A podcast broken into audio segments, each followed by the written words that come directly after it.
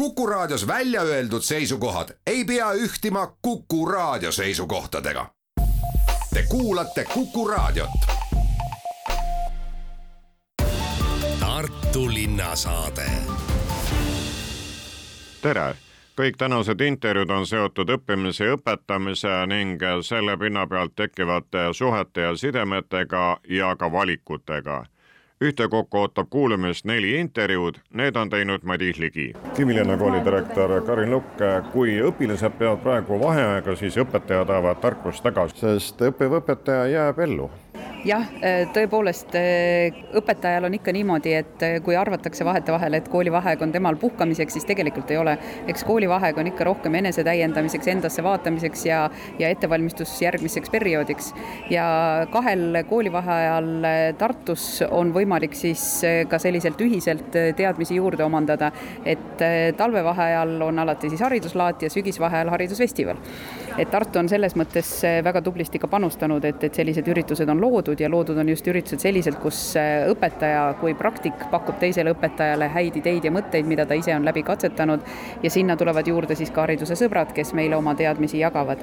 nii et tõepoolest äh, on koolivaheaeg selline koht, kus õpetaja õpib, et selleks, et ellu jääda kas see on siis järjest suurem probleem, et pingelises olukorras õpetajad ei pea pingele vastu? Äh, ütleme, see pealkiri ei olegi mitte tingimata sellest pingest tulenevalt, kui me nüüd vaatame, eks ole, pikemaajaliselt ajalugu üldse, siis äh, on ju alati öeldud, et äh, see, kes oskab kiiremini kohaneda, see põhimõtteliselt on see, kes ellu jääb. ja kohanemise aluseks on alati see, et, et me õpime me võime käia elust läbi niimoodi, et meil on hulk kogemusi, aga me ei õpi neist mitte midagi. teine asi on see, et, et me vaatame iga kord pärast seda kogemust, olgu ta hea või halb kogemus, olgu ta pingeid tekitav või mitte, et mida me siit õppisime ja kuidas me siit edasi läheme. et äh, pigem jah, ükskõik, mis see situatsioon on, aga see, et, et tõesti terve elu äh, saada ja püsida heal lainel, siis õppimine on ellujäämise see kõige baas, äh, olulisem oskus. Ja, ja eks ta väike viide ole ka Tartu kultuuripealinna ellujäämise kunstide teemale, mis sealt läbi jookseb, et, et väike selline eeltutvustus juba ka järgmisel aastal siis eesootavale kultuuripealinna tegemistele. Tartu haridusnõukogu peaesinejaks oli Maria Zakarias Mondos, kes rääkis maailmaharidusest ja teie järelduste kolmas ja viimane punkt oli iga tegu loeb. kuidas nende tegudeni jõuda, ehk milline on see maailmaharidus, kuidas oma sammu seada? Jaa, ma arvan, et maailmahariduse sõna võib kõlada niivõrd suurelt ja laialt, et mida see siis lõpuks tähendab, iga tegu loeb minu sõnum ongi see, et ka väike tegu, kuigi see võib olla meil siin kooli sees, kooli ümbruses, võib-olla natuke laiemalt meie kogukonnas, on ka juba maailma hariduse osa, sest et me kõik oleme üks osa sellest suurest maailmast ja maailmaga tihedalt seotud. Et kui see on seesama näiteks kooli ümbruse koristamine, selline keskkonnaaktsioon, no vot, täpselt see ongi maailmaharidus. me saame sinna lihtsalt juurde rääkida, et milline võiks seesama kool näha välja mõnes teises riigis ja kas seal ümber on puhas. kui ei ole, siis miks küsida neid küsimusi, kuidas meie enda kooli ümbrust ka saaksime puhtana hoida. seega, et milline maailm meist järele jääb, me peame siis noori ette valmistama selleks, et oleks järgmistel põlvedel, kus liikuda ja mida hingata ja kus olla. Jaa, täpselt nii, hoolitsema sellise jätkusuutliku ja kestliku tegutsemise eest, et meil oleks täpselt see maailm, kus meie täna elame, olemas ka meie järeltulevatele põlvkondadele. Ja teate, meil on vaja hakkama saada tänases keerulises ebakindlas maailmas ja leida endas selline julgus, seesama jõud ja need ressursid, et ikka edasi minna, et me ei lööks käega, et meis ei tekiks sellist apaatsust, et uh, kõik on nii kole ja raske. jah, tõesti täna on, aga meis on nii palju headust, meie ümber on inimesi, kellega me koos saame ette võtta midagi, mis annab meile lootust, seda tulevikulootust, mida väga vaja on. nüüd, kus peaettekanne on kuulatud, äh, läksid teie kolleegid juba töötubadesse, neid on õige palju. töötubasid on äh, sellel korral kakskümmend üheksa ja läbi viib neid nelikümmend üheksa inimest ja ei hakanud töötubade arvu ka väga suureks ajama, sellepärast et varasemad hariduslaada tagasiside on andnudki seda, et, et töötoad on nii vahvad, et aga igale poole ju alati ei saa, et kas on võimalik, et neid korratakse ja panimegi seekord siis sellise piiri ette, et, et osad töötoad on siis korduvad mitmes sessioonis, et ikkagi kõik huvilised saaksid sinna, kuhu nad äh, nagu plaaniksid ja sooviksid minna, et neid teadmisi siis omandada, et et äh, sellest äh, tõepoolest üheks päevaks on seda töötubade hulka väga palju. Jätkan teemat juba Jüri Sasiga, mehega, kes on pikka aega olnud haridusjuht erinevatel tasemetel, praegu Tartu Forseliuse kooli direktor millised õpetajad veavad ilusti välja, probleeme eriti ei teki, ehk nad püsivad sadulas? minu arvates peavad vastu need õpetajad, kellel on mingisugunegi kogemus koolis olemas, kes ei ole väga pikalt koolist eemal olnud, kes oskavad näha neid õpilasi teistsugustena, kui nad olid mõned aastad tagasi ja kes ei karda seda, et, et õpilased neist üle sõidavad täna on ikkagi tõsine probleem selles, et, et see vahepealsed aastad, kus õpetaja palk oli suhteliselt madal, õpetaja prestiiž oli väga madal, ühiskonna ootused olid õpetajatele kõrged, aga õpetajad ei väärtustatud ootustele vastavalt. Ja selle tõttu siis nii mõnedki läksid koolist minema ja need ei ole täna ka valmis tagasi kooli tulema millised õpetajad on praeguses olukorras äh, kõige edukamad ja igal juhul peavad vastu ja tunnevad tööst ka enamasti rõõmu? noh, kui ma jällegi vaatan oma kooli näitel, siis äh, need õpetajad, kes on kas äh, mõned aastad juba koolis töötanud, nendel on teatud mõttes karastus olemas, need peavad hästi vastu, siis ka muidugi need, kes on vanemad õpetajad, nemad on tulnud läbi igasugustest torudest ja ka nemad peavad vastu. ja noortest need õpetajad, kellel on nüüd ütleme terasest närvid, et nõrgema närvikavaga inimene täna klassis lastevanematega suheldes vastu ei pea kas õpetajad jätavad tööde poolele ka õppeaasta keskel, et ei pea enam pingele vastu? jah, kahjuks on neid, kes kas siis mõne kuu või isegi mõne nädala töötamise järel ütlevad, et ei, see töö ei ole minu jaoks mulle küll meeldiks lastega töötada, aga mitte niisugustes tingimustes, nagu täna mind on asetatud. õpetajatele esitatavad nõudmised on suured, aga ootused lastevanemate poolt ja ootused õpilaste poolt on ka ebarealistlikult suured. nii et äh, siin peab olema ikka väga, väga raudse vaimse tervisega inimene, kes tuleb üldse selle tööga toime. millega seda seletada, et ei osata piiri pidada, et nõutakse just nimelt õpetaja käest väga palju? Võib-olla sellega, et äh, kodudes äh, tegeletakse õpilastega vähe. Ja kui me vaatame seda, et äh, näiteks mida ütlevad need ettevõtted, kes võtavad omale noori spetsialiste tööle, ütlevad, et tähtis ei olegi niivõrd need ainealased teadmised, vaid kõige tähtsam on see inimlikkus, see empaatiavõime, kasvõi kella tundmine, teistega arvestamine et äh, seda on, on palju rohkem vaja, kui, kui ma, et oleksin seal priimus ühes või teises või kolmandas aines. ja seda ei suuda kool üksinda õpilastes kasvatada, kui ei ole kodusid taga. kui palju Orseeliuse koolis õpetajaid äh, aasta jooksul vahetub? Need on nüüd erinevad põhjused, miks need õpetajad äh, ära lähevad, aga kahjuks on sagenenud see, et õpetajad, õpetajad põlevad läbi ja kui varem seda pole olnud, siis nüüd viimastel aastatel küll. noh, isegi sellel aastal üks õpetaja kahjuks ütleb, et ta enam ei, enam ei jaksa, et ta on närvivapustuse ääre peal ja just sellepärast, et, et see õpilaste käitumine on üle igasuguse piiri. tavaliselt äh, koolilapsed tunnevad rõõmu, et oh, pääseb vaheajale. kuidas on õpetajatega? Õpetajad, võiks isegi öelda niimoodi, et kui neid vaheaegu ei oleks, siis oleks kool õpetajatest tühi. vaheaeg on see koht, kus õpetaja saab laadida oma närve, saab jällegi puhata, sest see töö on muutunud ääretult pingeliseks. ja vaheajad on need, mis, mis päästavad ja päästavad, et õpetaja ütleks, et ei, ütleks, et ei, ma enam homme ei tule. otsige uus inimene. nii et hoidke neid vaheaegasid. Tartu linnasaade olen jutujärjega jõudnud vabariigi suurimasse ametikooli Tartu Rakenduslikku kolledžisse ja tugikeskuse juhataja Ksenia Georgia on minu vestluskaaslaseks.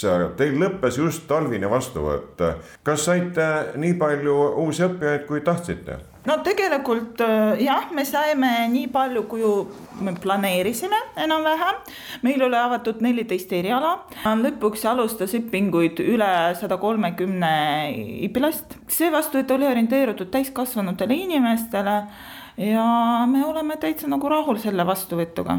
kui rääkida kõige levinumatest või kõige populaarsematest erialadest, siis oli meil kosmeetik ja kasutajatoe spetsialist näiteks, need on, oli nagu hästi populaarsed, kosmeetiku eriala on iga aasta on väga populaarne talvel kes on tavaliselt need, kes talviti siis ametikooli tulevad, kas nendel on mingi töökogemus all, tahavad paberit saada või on nad jäänud kuhugi nii-öelda maa ja taeva vahele, ei ole suutnud otsustada siis, kui kooli lõpp käes on ja nüüd leiavad talvel, ahhaa, vaat nüüd ma saan minna õppima ja tulevadki teile tegelikult väga erinevad, see on nagu no eeskätt see on täiskasvanud, enamus ongi need, kellel on juba haridus mõne aega tagasi saadud või töökogemus on või kes on Töötukassas arvel näiteks olnud. see aasta kindlasti olime me populaarsed ka Ukraina põgenikete seas.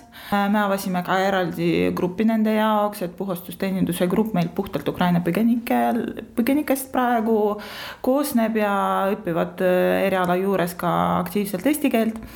väga erinevad et keegi tuleb, äh, sest tahab äh, täitsa nagu uut erialat saada, keegi tuleb õppima töö kõrval, meil on ju ka töökohapõhised õpinguid, ehk siis kui sul on vastava valdkonna töö on olemas, siis praktikat läbid töö juures ja meie juures teooriad. et äh, hästi erinevalt, nagu alati, me oleme kõikide jaoks see paistab olevat üldse eh, üldisemalt iseloomulik, et just nimelt täiskasvanud tulevad eh, kutsekoolidesse, ükskõik mis nime nad kannavad, olgu nad kolledžid, kutsehariduskeskused või kutsekoolid, tulevad järjest enam, neid koolilõpetajaid jääb eh, sellest üldarvust suhteliselt vähemaks, on see teil ka nii? no meie nagu arvud on umbes pool ja pool ikka need, kes isegi ma ütleksin, et võib-olla nagu põhihariduse baasil või noh, neid on palju. kutse kesktaseme õppijad, umbes pool meie õppijatest. aga kui siia me liitume meie täienduskoolituse kliente, siis kindlasti umbes sama palju nagu kogu koolis aasta jooksul meil õpilasi sama palju läbib meil erinevaid täienduskoolitusi, mis on nagu lühemad, mitte tasemeõpped.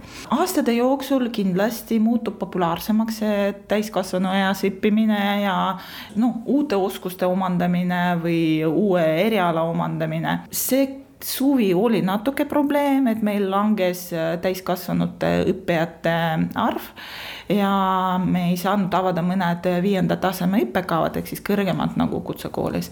mina põhjendaks seda kindlasti selle majandusliku kriisiga, et et kui inimestel oli valiku, kas minna teenida mingi raha või minna tööle või minna õppima, siis nad valisid raha teenimist, noh, oli liiga nagu selline ebastabiilne, no mitte oli, on ka. et äh, tänapäeval just äh, praeguses olukorras täiskasvanutel on raske teha otsuse õppimise kasuks aga olgu tegemist suvise või talvise vastuvõtuga, Tartu Rakenduslik kolledž on ikkagi kõikide erialade grupid saanud ilusti täis või mitte? erialade grupid on kõik täis, mõned õppekavad või mõned liigid, vormid jäid täitmata no alati see jääb mingi protsent, et me pakume väga laia valiku. meil õpinguid alates teisest tasemest, mis on kutsevalikuõpe, kuni viienda tasemeni, kus on juba, see on nagu kõrgem tase, kus on, ma ei tea, juba peakokk või, või juht vanem kokk või vanem pagar või vanem juuksur, juuksurmeister.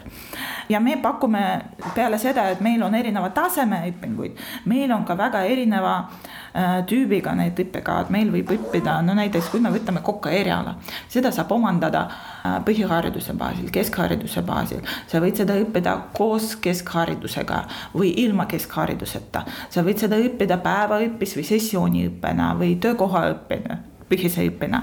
et äh, kuna paljudes äh, erialades meil on mitu erinevaid õppekava viisi või stiili, liigi, siis, äh, siis mõned jäävad täitmata aga just nii, et nagu täiesti nagu avamata erialad, üksikud kui suur on õpilaste arv teil? viimased aastad kuskil keskmiselt kolm tuhat meil äh, aasta läbi.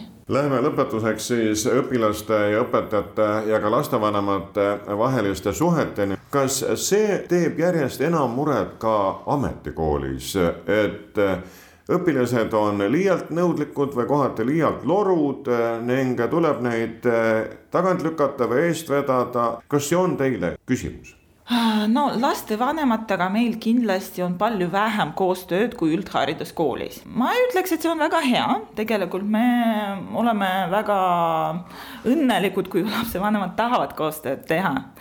kui arvestada meie õpilaste arvuga, siis ilma lastevanemateta me ei saa nagu midagi teha. on ka sellised äh, lastevanemad, kes on liiga palju nagu muretsevad enda laste pärast ja kes ei teadvusta, et tegelikult need, kes meie juurde on tulnud, see on juba teismelised ja hilisteismelised, kes vajavad rohkem autonoomiat, kelle jaoks riski võtmine ja riskikäitumine on normaalne. ja lapsevanemad, kes ei teadvusta seda, et väga muretsevad ja ma ei tea, panevad liigseid piiranguid peale ja teevad sellega ainult nagu halvemaks. aga on ka neid, kes üldse ei tunne huvi ja see ka ei ole hea aga õnneks äh, palju neid, kes lihtsalt nagu korralik-, tulevad koostöised ja kellega me koos saame aidata noort. noored on erinevad ja hästi palju jääb, teeb muret praegu vaimne tervis. et see vaimse tervise probleemid on väga-väga levinud. põhikoolist tulnud palju õpiraskustega noori, meil ikka selle hariduslike erivajadustega noored hetkel ähm, umbes äh, viiendik meie nagu õpilastest.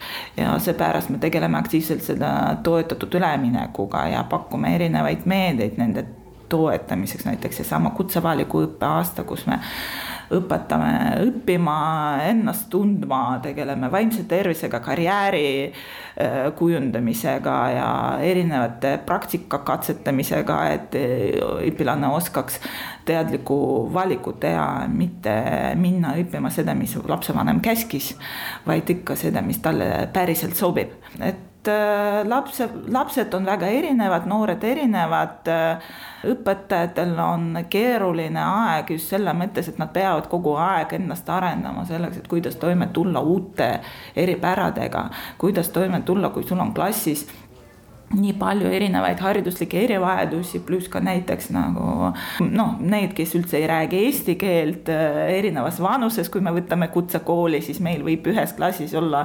kuusteistaastane ja kahekümne kuue aastane. erinev motivatsioon, kõik on erinev ja klassid on suured.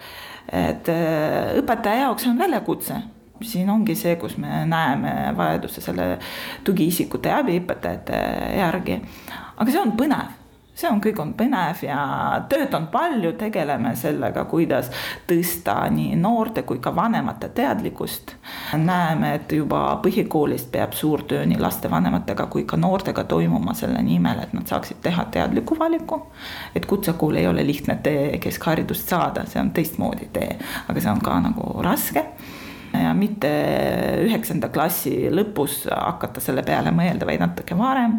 kasutada riigis pakutavad teenused nagu Töötukassa karjäärinõustaja, kus saab ka lapsevanem ilma oma lapseta saada nõu, kuidas last toetada ja laps saab ilma vanemata, kui ei saa koos nõu saada meie juures on enda karjäärinõustaja, kelle juurde palun tule, pöördu, tutvu meie erialadega, saa aru, mis me pakume. mis on need erinevad tased ja mis on sulle jõukohane ja mis sulle sobib. et mitte nii, et ma tahan kokaks saada, lähen, aga esimest korda, kui lähen kööki, siis avastan, et mul, ma ei tea, epilepsia hoog seal kuuma pliidi juures. ja maalri töökoes hakkab allergiahoog, sest ma kunagi ei teadnud, et mul on, hakkab astma sellele tolmu peale.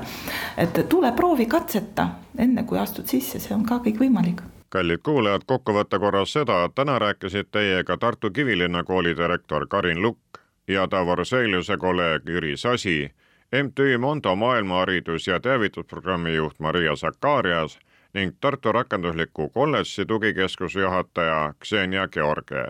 Neid usutles Madis Ligi. aitäh kuulamast, olge terved! Tartu linnasaade